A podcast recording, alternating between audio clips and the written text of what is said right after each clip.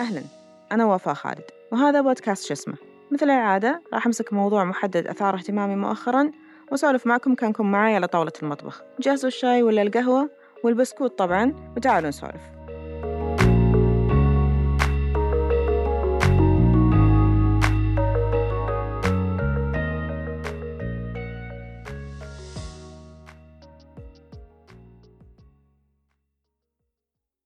جميع المراجع لكل شيء أقوله في نص ونص الحلقة نفسها راح يكون مكتوب في الروابط المرفقة مثل العادة وفي المدونة. حضرت مؤخرا في يومين تسعة وعشرين وثلاثين مارس ألفين واثنين وعشرين قمة سنك لمناقشة الاتزان في الحياة الرقمية واللي صارت في مركز الملك عبد العزيز الثقافي العالمي إثراء. وأول مرة في مثل هالمناسبات وبعد ما طلعت من المسرح لقيت المتحدثين يتنقلون بحرية في المقاهي الموجودة في إثراء. والمجال مفتوح لأي شخص لأنه يتكلم معهم. ما كنت متوقعة هذا أبدا بناء على تاريخ إثراء في مثل هالمناسبات. لكن كنت محظوظة وجبت معي الميكروفونات بالصدفة وانتهزت الفرصة أني أسجل بعض الحوارات القصيرة مع المتحدثين اللي أعطوني وجه وكان عندهم صدر وسيع أنهم يتحملوني وأنا وأسئلتي ووقتهم كان يسمح كذلك. ملاحظة. كون الحوارات كانت باللغة الإنجليزية راح أضمن أجوبة الضيف ومن بعدها ترجمة مختصرة للي صار في الحوار. سلسلة الحلقات القصيرة هذه راح تكون مقسمة بحسب الموضوع والضيف وراح تلقون بعد طبعا أخطاء احترافية مثل ما في تحضير مسبق خشخشة صوت بسبب وضع الميكروفون بمكان خطأ وغيرها. أتمنى أنكم تتذكرون أني ما كنت متوقع أني أشوفهم وما كانت اللقاءات معدة لتلقي أسئلة الحضور فما كنت صايغة أي سؤال بشكل احترافي وكان الموضوع كله عفوي. راح أبدأ اليوم مقابلة مع لوردز مونتينيغرو يا رب إني نطقت الاسم صح. واللي تشتغل فيه World Benchmarking Alliance. وهي منظمة تخصصت في تقييم الشركات عالميا ومحليا بحسب المعايير اللي وضعت لتحقيق أهداف التنمية المستدامة. تخصص لورديز في معايير الشركات التقنية المتعلقة بتمكين جميع شرائح المجتمع لاستخدام التقنية وتشجيع وجودهم في الشركات كموظفين. من هذه المعايير اللي سألتها عنها كانت عن تضمين الإناث في الشركات التقنية. في المملكة واحدة من كل أربع متخرجات من الجامعة تتخصص بالرياضيات والعلوم والتقنية والهندسة. لكن ثلثهم بس يقرر أنهم ينضمون إلى صناعة التقنية والاتصالات. والفارق في المملكة بين الرجال والسيدات في صناعة التقنية معقول وجيد بالمقارنة مع المعدل العالمي. فهم وصلوا إلى 24.7% تقريبا. ومع هدف زيادة وجودهم ووجودهن بالأصح والوصول إلى نسبة 30% في 2030 لكن المشكلة اللي تواجه الإناث عندنا الآن هي وجودهن في وسط أوقاع السلم الوظيفي. موضوع أهمية تنوع الثقافات والأشخاص في بيئة العمل طويل ومشعب. لكن ممكن نختصره بأن وجود وجهات نظر مختلفة لحل نفس المشكلة تنتج حلول تناسب شرائح أكبر وأكثر في المجتمع. وأهمية وجود المرأة في فرق تصميم خدمات تقدم لكل المجتمع يضمن أن نصف المجتمع المتلقي راح يلقى اللي يناسبه فيها. وهذا لوحده المفروض أنه يكون دافع لأصحاب هذه الخدمات والمنتجات لفهم حاجات الإناث وتصميمها بما يتناسب معها. أول سؤال توجهت فيه اللوردز كان تعليق مباشر للي قالته هي على المسرح. هي تكلمت عن أهمية إدخال الإناث في صناعة التقنية والاتصالات والصعوبات اللي تواجههن لدخول هذا المجال. وكان السؤال كيف نقنع الرجال أن وجود النساء معهم وتوظيفهن يعود عليهم هم بالنفع؟ People are selfish or self-serving, let's say. How would it serve men to have more women in the IT industry? How would it serve men to have more women in the IT industry? Yeah, how to convince them? I think the question really is how it would serve businesses to have more women in the IT industry and how it would serve the economy so it's not just the men, but because the men are trying to make money and running the economy, then they should understand what are the benefits for having more women in the IT industry. Because your customers, your users are not just men. It's also women, it's also children, it's also older people, different kinds of people.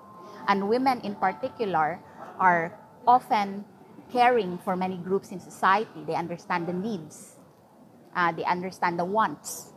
So if you have women working in the IT industry, they understand how to make the products that really serve all different kinds of users. And if you have products that serve all different kinds of users, you have a very good business. You have a very broad set of groups that you can deliver and offer your products to. You have you can have very good products. You can have very good services, and that's uh, that's really the main advantage. It gives you many different kinds of points of view.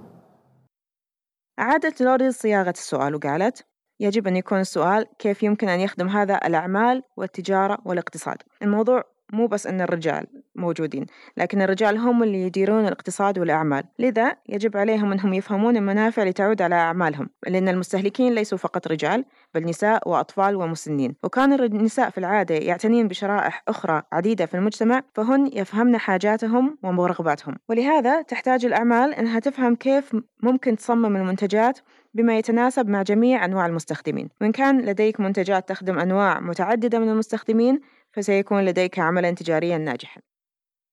طيب الدور التقليدي المتوارث للمرأة أعطاها ميزة إضافية هي احتكاكها اليومي والمباشر بفئات عديدة من المجتمع وفهم حاجاتهم الدقيقة. كان تعليقي على جوابها هو إذا وجود أشخاص غير الرجال, الشبان التقليديين القادرين جسديا سيعود بالنفع على العمل بزيادة الدخل والأرباح يعني الموضوع رأسمالي وهذا طبعا يتعلق بالنقاش اللي حصل على المسرح قبل شوي لأن اللي يتحكم في قرارات الخاصة بالشركات والأعمال في قطاع التقنية والاتصالات هو في النهاية الدخل والأرباح وأن استخدام هذه الزاوية فقط هو اللي راح يحدث أي تغيير جواب لوردز كان Yes, exactly. More money. Yes. So capitalism in the end.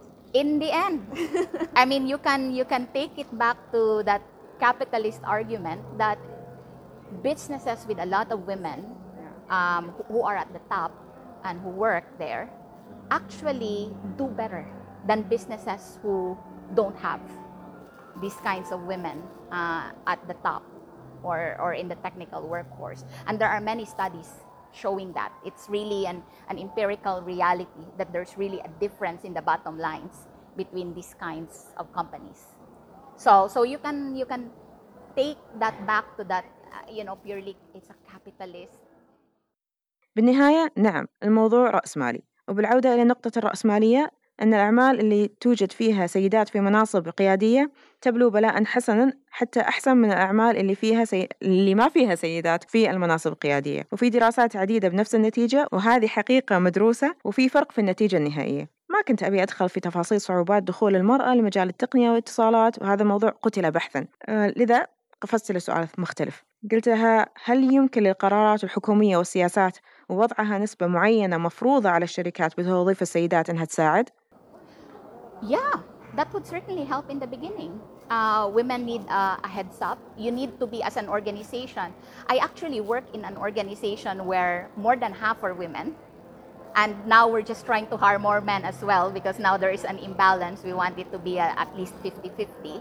But in the beginning, you need to get started. You need to be really focused uh, in getting the women in and identifying who these women are because it's not that there are no skilled women out there. I tell you, um, I met someone wonderful. Her name is May. She's an Egyptian. She's very young. She's like early 30s, and she's a brilliant artificial intelligence engineer. She works in she works in, in Dubai now, and she leads a team, an artificial intelligence team for a technology startup.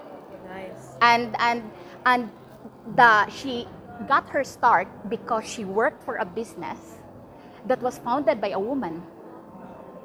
And, and, and that woman hired her to lead the team.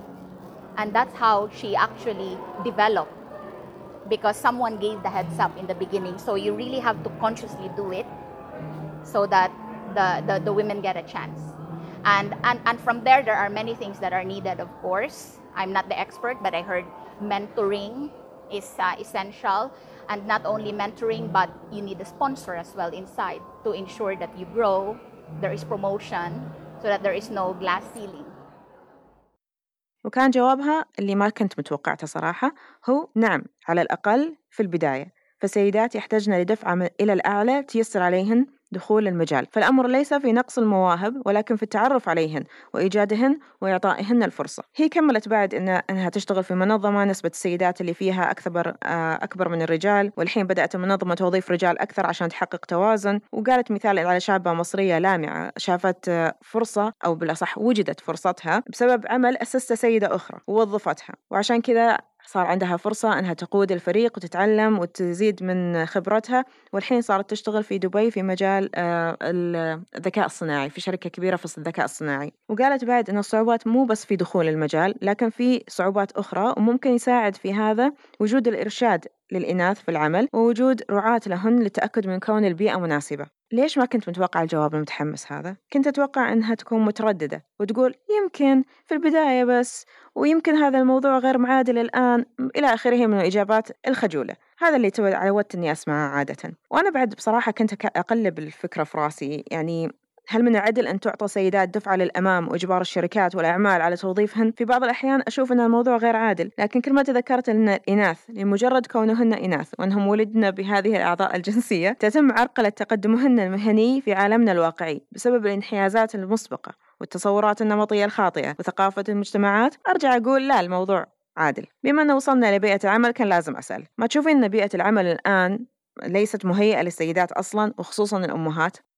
This is a common issue all over the world. This, this is really a common issue all over the world. And I think one thing that really helped, what I observed personally, not as an expert in, the, in, the, in this you know, topic area, is that in places where you give the men and the women equal time to take parental leave, it's not just the women who, when they get pregnant, it's not just the women who get the leave, but also the husbands that actually facilitates both. Because it turns out that men also want to spend time with their children. But they're not given a chance. كان جوابها هذه مشكلة شائعة جدا في كل مكان في العالم. وقد وجدت أن من الأمور التي أحدثت فرقا بحسب ما شاهدته بشكل شخصي هي الأماكن التي تعطي لكلا الوالدين إجازة أمومة وأبوة متساوية. فالآباء أيضا يمرون مع الأم بمرحلة الحمل والأبوة. وتبين أن الآباء أيضا يريدون العناية بأطفالهم وقضاء الوقت معهم لكن لم يعطوا الفرصة من قبل وفي وسط ارتباكي لأني ما كنت محضرة جيدا للقاء قلت لها أوه اكتشفنا أن الرجال عندهم مشاعر. يا الله. كل ما أتذكر التسجيل وأسمعه ودي لو أرجع بالزمن وأمسح محاولة تخفيف الدم هذه. لكن من حسن الحظ أن اللورديس لطيفة يعني وأخذت النكتة السخيفة على أنها نكتة سخيفة وكملت معي وتحول الموضوع إلى موضوع أهم. انتقلنا بعدها إلى موضوع الذكورية السامة اللي توارثها المجتمع وكيف أن تخفيفها يساعد الرجال في أنهم يكونون الشخص اللي هم يبونه. وذكرت أن زميلتها لما ولدت أخذت فقط أربع أشهر إجازة للأمومة وزوجها أخذ تسع أشهر إجازة أبوه عشان يعتني بطفله ويقضي معها وقت أطول guess what? We didn't know they have feelings. Apparently, they have feelings as well. And and and I have a colleague where she got pregnant, she only took four months of leave. It is her husband who took the nine months. Wow. so he's the one like staying with her because apparently he wants time to spend with his child.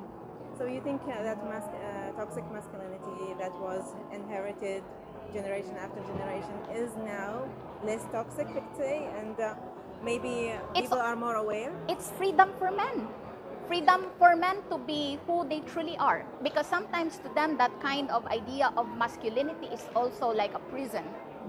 And when you free them from that, then you realize they're also a lot, they're very tender and loving and caring. And it's really freeing to be yourself. So they are allowed allowed to allowed to express. That's the important thing, and and you give them equal opportunity to express that, so that in the workplace people will not think because what happens when you, give only the parental leave to the mother, then the the employees will think the women are expensive to hire because they get pregnant and they go on leave. But if you give it equally to men and women, they are both equally the same.